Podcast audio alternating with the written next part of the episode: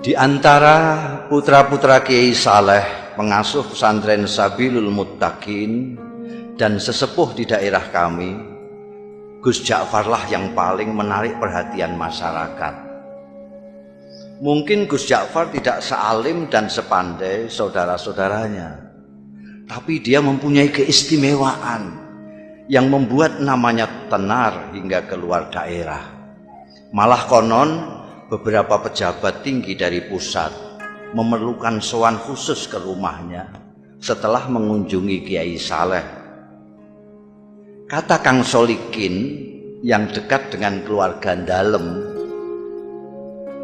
bahkan Kiai Saleh sendiri segan dengan anaknya yang satu itu.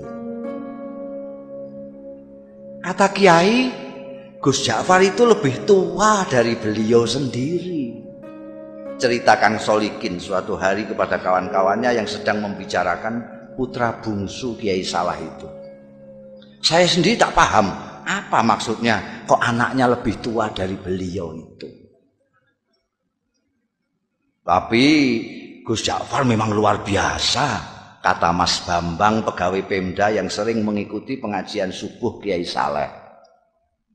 Matanya itu loh, Sekilas saja beliau melihat kening orang, kok langsung bisa melihat rahasianya yang tersembunyi. Kalian ingat enggak Sumini yang anak penjual rujak di terminal lama yang dijuluki perawan tua itu. Sebelum dilamar orang Sabrang kan ketemu Gus Jafar. Waktu itu Gus Jafar bilang Sum kulihat kok keningmu kok bersinar? Sudah ada yang ngelamar ya Duh, tak lama kemudian orang Sabrang itu datang melamar Sumining. Kang Kandar kan juga begitu, timpal Mas Guru Slamet.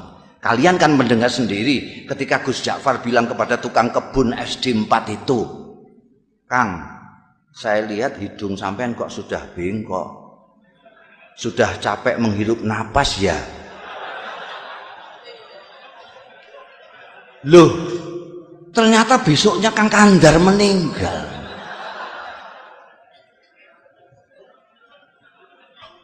Ya waktu itu saya pikir Gus Jafar hanya berkelakar. Saud Ustadz Kamil. Nggak tahunya beliau sedang membaca tanda pada diri Kang Kandar. Saya malah mengalami sendiri. Kata Salamun pemborong yang dari tadi sudah kepengen ikut bicara. Waktu itu tak ada hujan, tak ada angin. Gus Ja'far bilang kepada saya, wah saku sampean kok mondol-mondol dapat proyek besar ya? Padahal saat itu saku saya justru sedang kempes-kempesnya.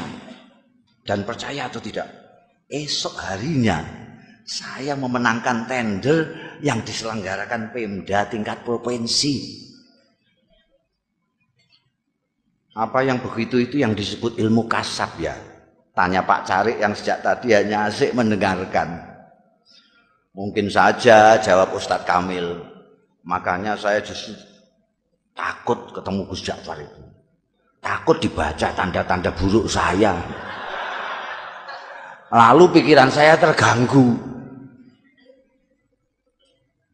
Maka ketika kemudian sikap Gus Ja'far berubah, masyarakat pun geger. Terutama para santri kalong orang-orang kampung yang ikut mengaji tapi tidak tinggal di pesantren seperti Kang Solikin yang selama ini merasa dekat dengan beliau. Mula-mula Gus Ja'far menghilang berminggu-minggu. Kemudian ketika kembali, tahu-tahu sikapnya berubah menjadi manusia biasa. Dia sama sekali berhenti dan tak mau lagi membaca tanda-tanda. Tak mau lagi memberikan isyarat-isyarat yang berbau ramalan. Ringkas kata, dia benar-benar kehilangan keistimewaannya. Jangan-jangan ilmu beliau hilang pada saat beliau menghilang itu. Komentar Mas Guru Selamat penuh penyesalan. Wah, sayang sekali. Apa gerangan yang terjadi pada beliau ya? Ke mana beliau pergi saat menghilang pun kita tidak tahu. Kata Lek Salamun. Kalau saja kita tahu ke mana beliau pergi, mungkin kita akan mengetahui apa yang terjadi pada beliau dan mengapa beliau kemudian berubah. Tapi bagaimanapun ini ada hikmahnya. Ujar Ustadz Kamil. Paling tidak kini kita tidak bisa setiap saat menemui Gus Ja'far tanpa paling tidak kini kita bisa setiap saat menemui Gus Ja'far tanpa merasa deg-degan dan was-was. Bisa mengikuti pengajiannya dengan niat tulus mencari ilmu, tidak takut ditebak-tebak. Maka jika kita ingin mengetahui apa yang terjadi dengan Gus kita ini hingga sikapnya berubah dan ilmunya hilang, sebaiknya kita langsung saja menemui beliau. Begitulah sesuai usul Ustadz Kamil pada malam Jumat sehabis dan salat isya saat mana Gus Ja'far Prai tidak mengajar rombongan santri Kalong sengaja mendatangi rumahnya. Kali ini hampir semua anggota rombongan merasakan keakraban Gus Ja'far jauh melebihi yang sudah-sudah.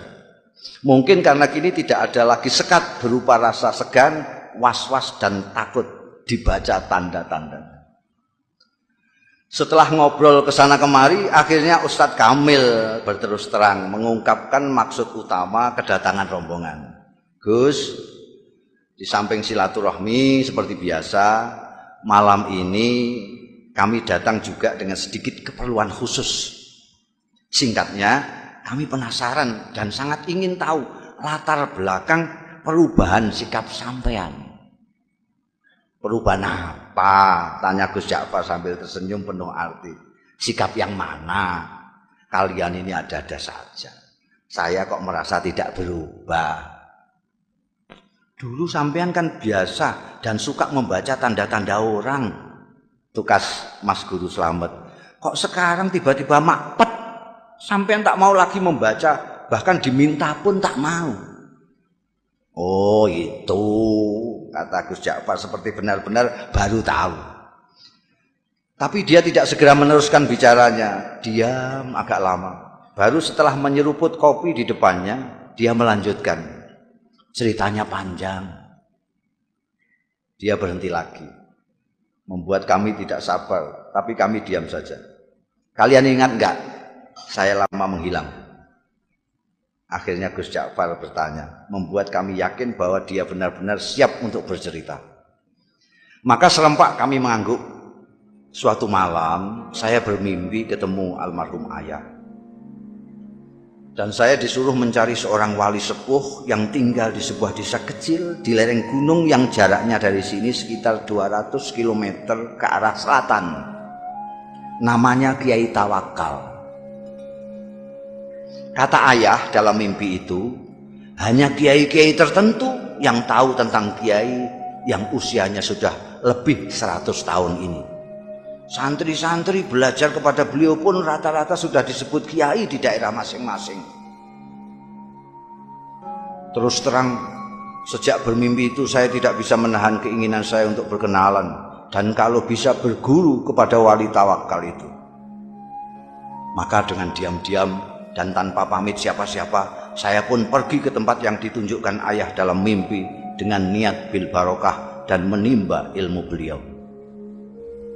Ternyata ketika sampai di sana, hampir semua orang yang saya jumpai mengaku tidak mengenal nama Kiai Tawakal. Baru setelah seharian melacak ke sana kemari, ada seorang tua yang memberi petunjuk. Cobalah nak mas, ikuti jalan setapak di sana itu katanya nanti nak mas akan berjumpa dengan sebuah sungai kecil terus saja nak mas menyeberang. Begitu sampai seberang nak mas akan melihat gubuk-gubuk kecil dari bambu.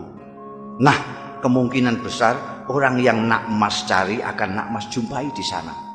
Di gubuk yang terletak di tengah-tengah itulah tinggal seorang tua seperti yang nak mas gambarkan. Orang sini memanggilnya Mbah Jogo. Barangkali itulah yang nak mas sebut Kiai. Siapa tadi? Kiai Tawakal. Ya, ya, Kiai Tawakal. Saya yakin itu orangnya, Mbah Jogo. Saya pun mengikuti petunjuk orang tua itu menyeberang sungai dan menemukan sekelompok rumah gubuk dari bambu. Dan betul, di gubuk bambu yang terletak di tengah-tengah saya menemukan Kiai Tawakal alias Mbah Joko sedang dikelilingi santri-santrinya yang rata-rata sudah tua. Saya diterima dengan penuh keramahan, seolah-olah saya sudah merupakan bagian dari mereka.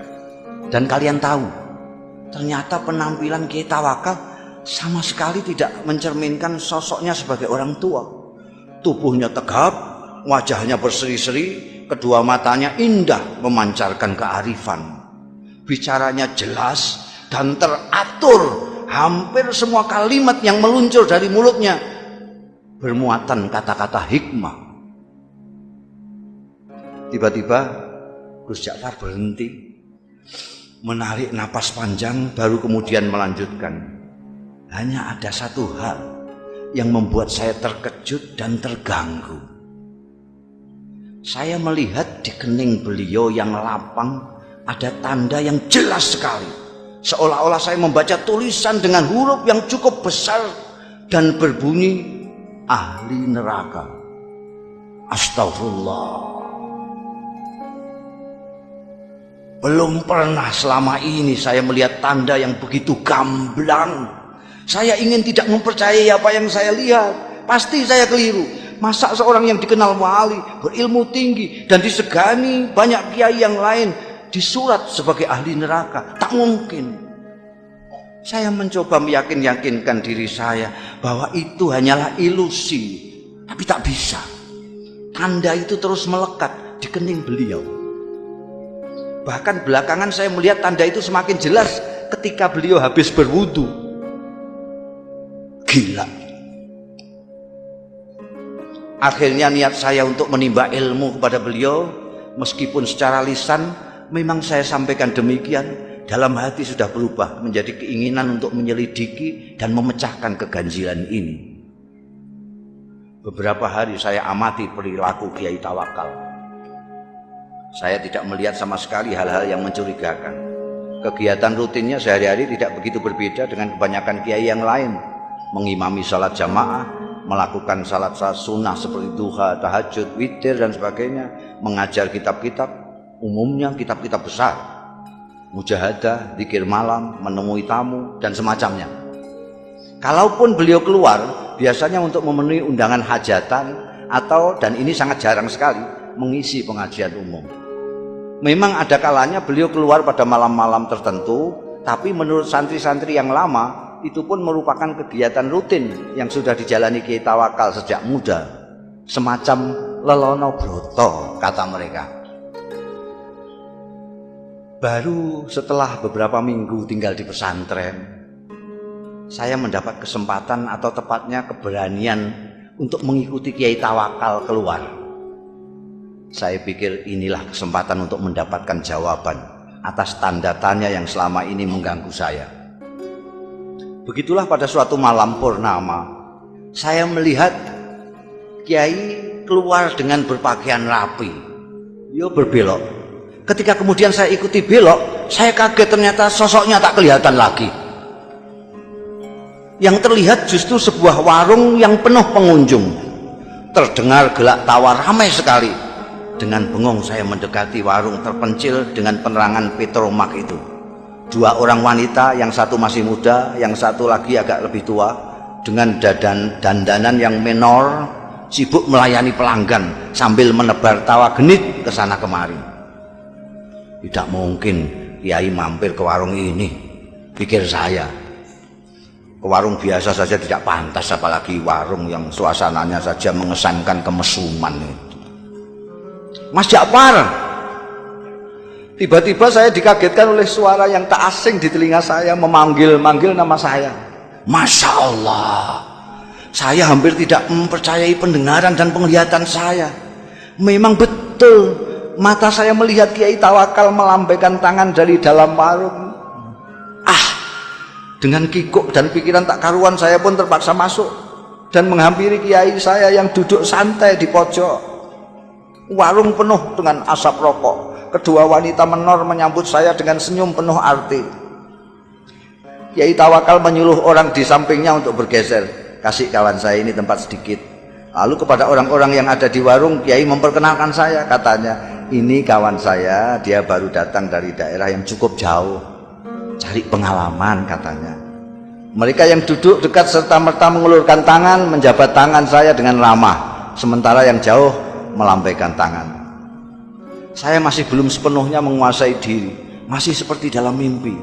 Ketika tiba-tiba saya dengar Kiai menawari, minum kopi ya. Saya mengangguk asal mengangguk. Kopi satu lagi yuk, kata Kiai kepada wanita warung sambil mendorong piring jajan ke dekat saya. Silakan, ini namanya Rondo Royal. Tape goreng kebanggaan warung ini. Lagi-lagi saya hanya mengangguk kepala asal mengangguk. Kiai Tawakal kemudian asik kembali dengan kawan-kawannya dan membiarkan saya bengong sendiri. Saya masih tak habis pikir, bagaimana mungkin Kiai Tawakal yang terkenal waliullah dan dihormati para kiai lain bisa berada di sini. Akrab dengan orang-orang beginian, bercanda dengan wanita warung. Ah, inikah yang disebut lelono broto? Ataukah ini merupakan dunia lain beliau yang sengaja disembunyikan dari umatnya? Tiba-tiba saya seperti mendapat jawaban dari tanda tanya yang selama ini mengganggu saya. Dan karenanya saya bersusah payah mengikutinya malam ini. Oh pantas, di keningnya aku lihat tanda itu. Tiba-tiba sikap dan pandangan saya terhadap beliau berubah. Mas, sudah larut malam, tiba-tiba suara Kiai Tawakal membuyarkan lamunan saya. Kita pulang yuk. Dan tanpa menunggu jawaban saya, Kiai membayari minuman dan makanan kami, berdiri, melampai kepada semua, kemudian keluar. Seperti kerbau dicocok hidung, saya pun mengikutinya. Ternyata setelah melewati kebun sengon, Kiai Tawakal tidak menyusuri jalan-jalan yang tadi kami lewati. Biar cepat, kita mengambil jalan pintas saja ya katanya. Kami melewati pematang, lalu menerobos hutan, dan akhirnya sampai di sebuah sungai. Dan sekali lagi saya menyaksikan kejadian yang mengguncangkan. Kiai Tawakal berjalan di atas permukaan air sungai seolah-olah di atas jalan biasa saja. Delonyor, delonyor. Sampai di seberang, beliau menoleh ke arah saya yang masih berdiri mematung. Beliau melambai, ayo teriaknya. Untung saya bisa berenang. Saya pun kemudian berenang menyeberangi sungai yang cukup lebar sampai di seberang ternyata Kiai Tawakal sudah duduk-duduk di bawah pohon randu alas menunggu.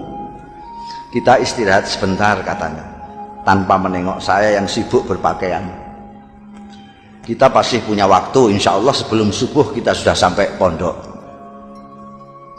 Setelah saya ikut duduk di sampingnya, tiba-tiba dengan suara berwibawa, Kiai berkata mengejutkan, Bagaimana? Kau sudah menemukan apa yang kau cari?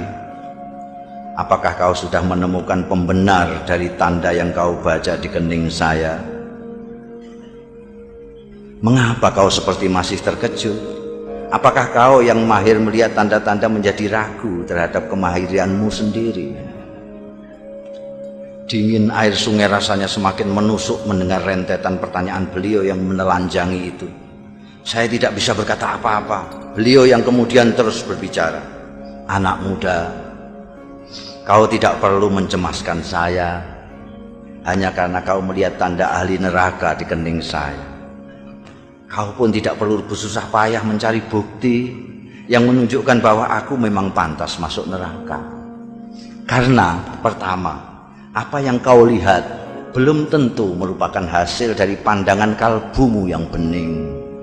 Kedua, kau tak akan tahu sebagaimana neraka, surga, aku adalah milik Allah. Maka terserah kehendaknya apakah ia mau memasukkan diriku ke surga atau ke neraka. Untuk memasukkan hambanya ke surga atau neraka, sebenarnya lah ia tidak memerlukan alasan sebagai kiai apakah kau berani menjamin amalmu pasti mengantarkanmu ke surga kelak?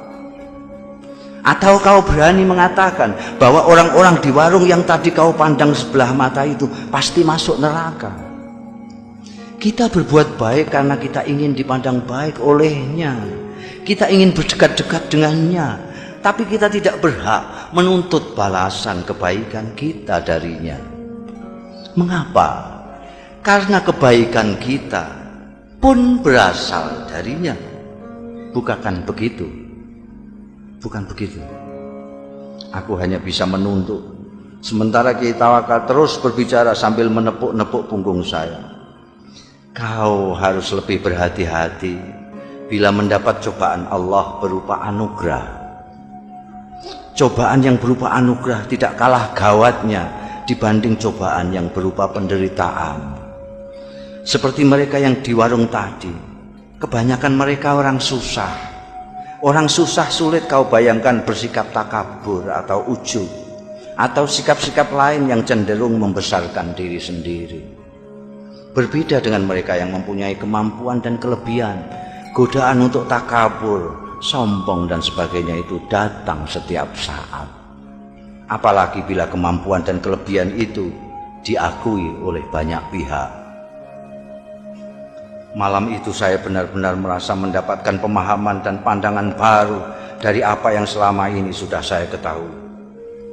Ayo kita pulang, tiba-tiba Kiai bangkit. Sebentar lagi subuh, setelah sembahyang subuh nanti kau boleh pulang. Saya tidak merasa diusir. Nyatanya memang saya sudah mendapat banyak dari Kiai luar biasa ini. Ketika saya ikut bangkit, saya celinguan Kiai Tawakal sudah tak tampak lagi. Dengan bingung saya terus berjalan. Ku dengar azan subuh berkumandang dari sebuah surau, tapi bukan surau bambu kami. Seperti orang linglung, saya datangi surau itu dengan harapan bisa ketemu dan berjamaah saat subuh dengan Kiai Tawakal. Tapi jangankan Kiai Tawakal, orang yang mirip beliau pun tak ada. Tak seorang pun dari mereka yang berada di surau itu yang saya kenal. Baru setelah sembahyang, seseorang menghampiri saya apakah sampean Ja'far? Tanyanya. Ketika saya mengiyakan, orang itu pun menyerahkan sebuah bungkusan besar yang teras, ternyata berisi barang-barang milik saya sendiri. Ini titipan Mbah Jogo. Katanya milik sampean. Beliau di mana? Tanya saya buru-buru. Mana saya tahu, jawab Mbah Joko datang dan pergi semaunya. Tak ada seorang pun yang tahu dari mana beliau datang dan ke mana beliau pergi. Begitulah ceritanya. Dan Kiai Tawakal alias Mbah Joko yang telah berhasil mengubah sikap saya itu tetap merupakan misteri. Gus Ja'far sudah mengakhiri ceritanya, tapi kami yang dari tadi suntuk mendengarkan masih diam tercenung sampai Gus Ja'far kembali menawarkan sungguhannya monggo monggo tidak.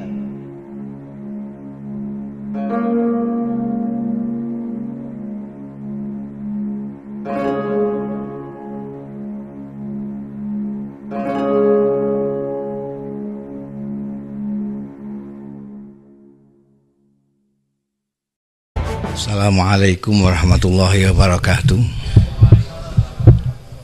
Salam sejahtera untuk kita semua. Selamat malam anda sekalian sudah menikmati syair-syair dari penyair-penyair sungguhan. Timur Sinar Supabrana dan Sitok Srengenge. Sekarang sudah waktunya Anda menikmati syair-syairan dari penyair-penyairan Saya 20 tahun yang lalu dipaksa oleh Beno siang pamungkas untuk ikut acaranya membaca puisi. Di mana itu? Raden Saleh. Dan itu kalau saya baca sekarang kok ya masih seperti bikinan saya sekarang. Jadi saya bingung ini apa saya yang gila apa negeri ini yang gila.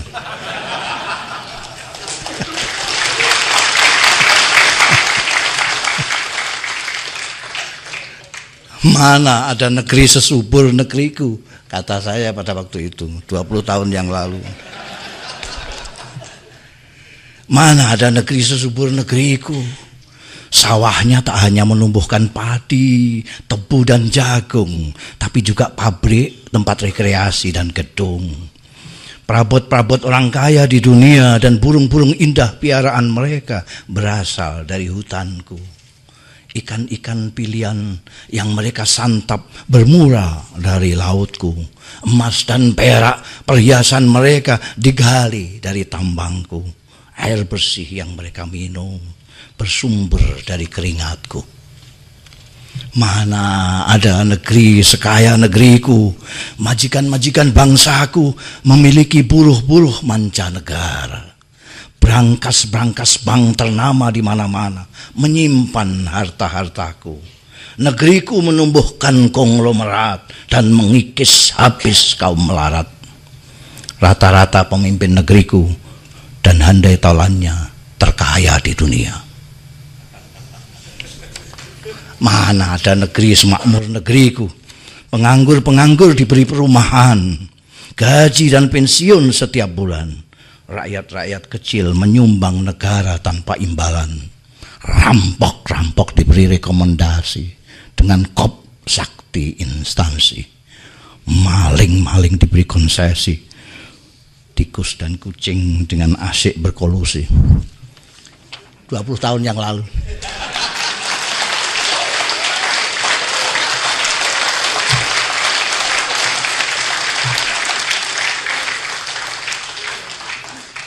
Kalau Beno masih ingat ini juga saya tulis pada waktu itu dan saya baca pada waktu itu. Tadi negeriku sekarang di negeri amplop. Di negeri amplop Aladin menyembunyikan lampu wasiatnya. Malu. Samson tersipu-sipu rambut keramatnya ditutupi topi. Rapi-rapi. David Copperfield dan Houdini bersembunyi rendah diri. Entah andai kata Nabi Musa bersedia datang membawa tongkatnya. Amplop-amplop di negeri amplop mengatur dengan teratur. Hal-hal yang tak teratur menjadi teratur. Hal-hal yang teratur menjadi tak teratur. Memutuskan putusan yang tak putus, membatalkan putusan yang sudah putus amplop-amplop menguasai penguasa dan mengendalikan orang-orang biasa. Amplop-amplop membeberkan dan menyembunyikan, mencairkan dan membekukan, mengganjal dan melicinkan. Orang bicara bisa bisu, orang mendengar bisa tuli, orang alim bisa nafsu, orang sakti bisa mati. Di negeri amplop, amplop-amplop mengamplopi apa saja dan siapa saja.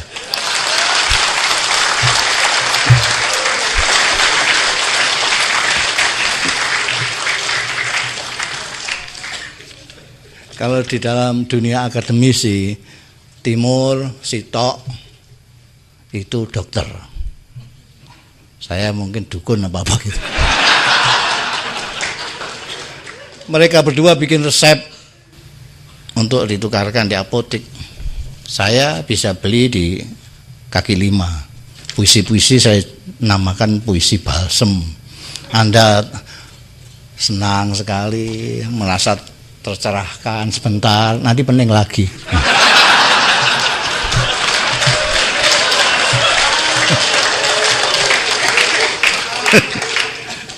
Dari kata membaca Indonesia pusing-pusing, mari menghibur diri dengan puisi balsem.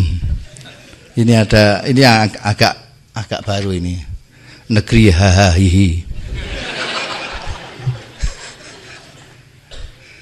Bukan karena banyaknya grup lawak maka negeriku selalu kocak. Justru grup-grup lawak hanya mengganggu dan banyak yang bikin muak. Negeriku lucu dan para pemimpin, para pemimpinnya suka mengocok perut. Banyak yang terus pamer kebodohan dengan keangkuhan yang menggelikan. Banyak yang terus pamer keberanian dengan kebodohan yang mengharukan. Banyak yang terus pamer kekerdilan dengan teriakan yang memilukan. Banyak yang terus pamer kepengecutan dengan laga yang memuakkan. Penegak keadilan jalannya miring. Penuntut keadilan kepalanya pusing, hakim main mata dengan maling, wakil rakyat baunya pesing. Kalian jual janji-janji untuk menebus kepentingan sendiri. Kalian hafal pepatah petitih untuk mengelabui mereka yang tertindih. Pepatah petitih. Anjing menggonggong kafilah berlalu sambil menggonggong kalian terus berlalu. Ada udang di balik batu, udang kepalanya batu. Sekali dayung dua pulau terlampaui, sekali untung dua pulau terbeli.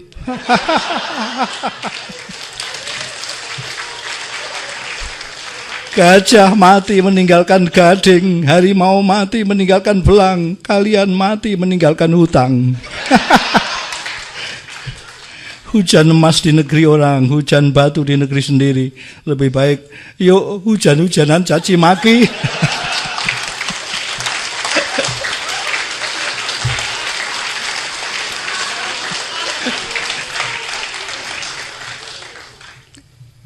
Aku masih sangat hafal nyanyian itu.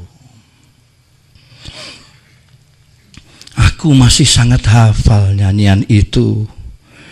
Nyanyian kesayangan dan hafalan kita bersama sejak kita di sekolah rakyat. Kita berebut lebih dulu menyanyikannya ketika anak-anak disuruh menyanyi di depan kelas satu persatu. Aku masih ingat Betapa kita gembira saat guru kita mengajak menyanyikan lagu itu bersama-sama. Sudah lama sekali. Pergaulan sudah tidak seakrab dulu. Masing-masing sudah terseret kepentingan sendiri. Atau tersihir pesona dunia. Dan kau kini entah di mana. Tapi aku masih sangat hafal nyanyian itu sayang hari ini ingin sekali aku menyanyikannya kembali bersamamu. Indonesia tanah air beta pusaka abadi nan jaya Indonesia sejak dulu kalah selalu dipuja-puja bangsa.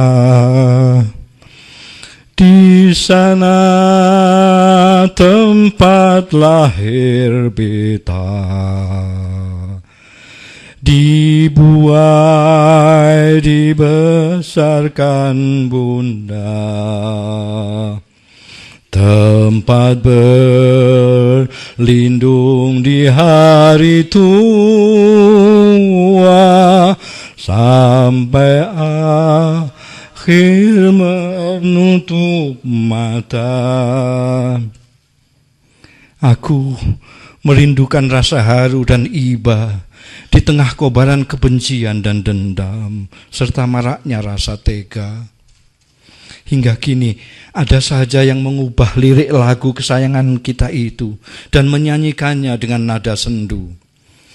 Indonesia air mata kita bahagia menjadi nestapa Indonesia kini tiba-tiba selalu dihina-hina bangsa. Di sana banyak orang lupa dibuai kepentingan dunia tempat bertarung berebut kuasa sampai entah kapan akhirnya.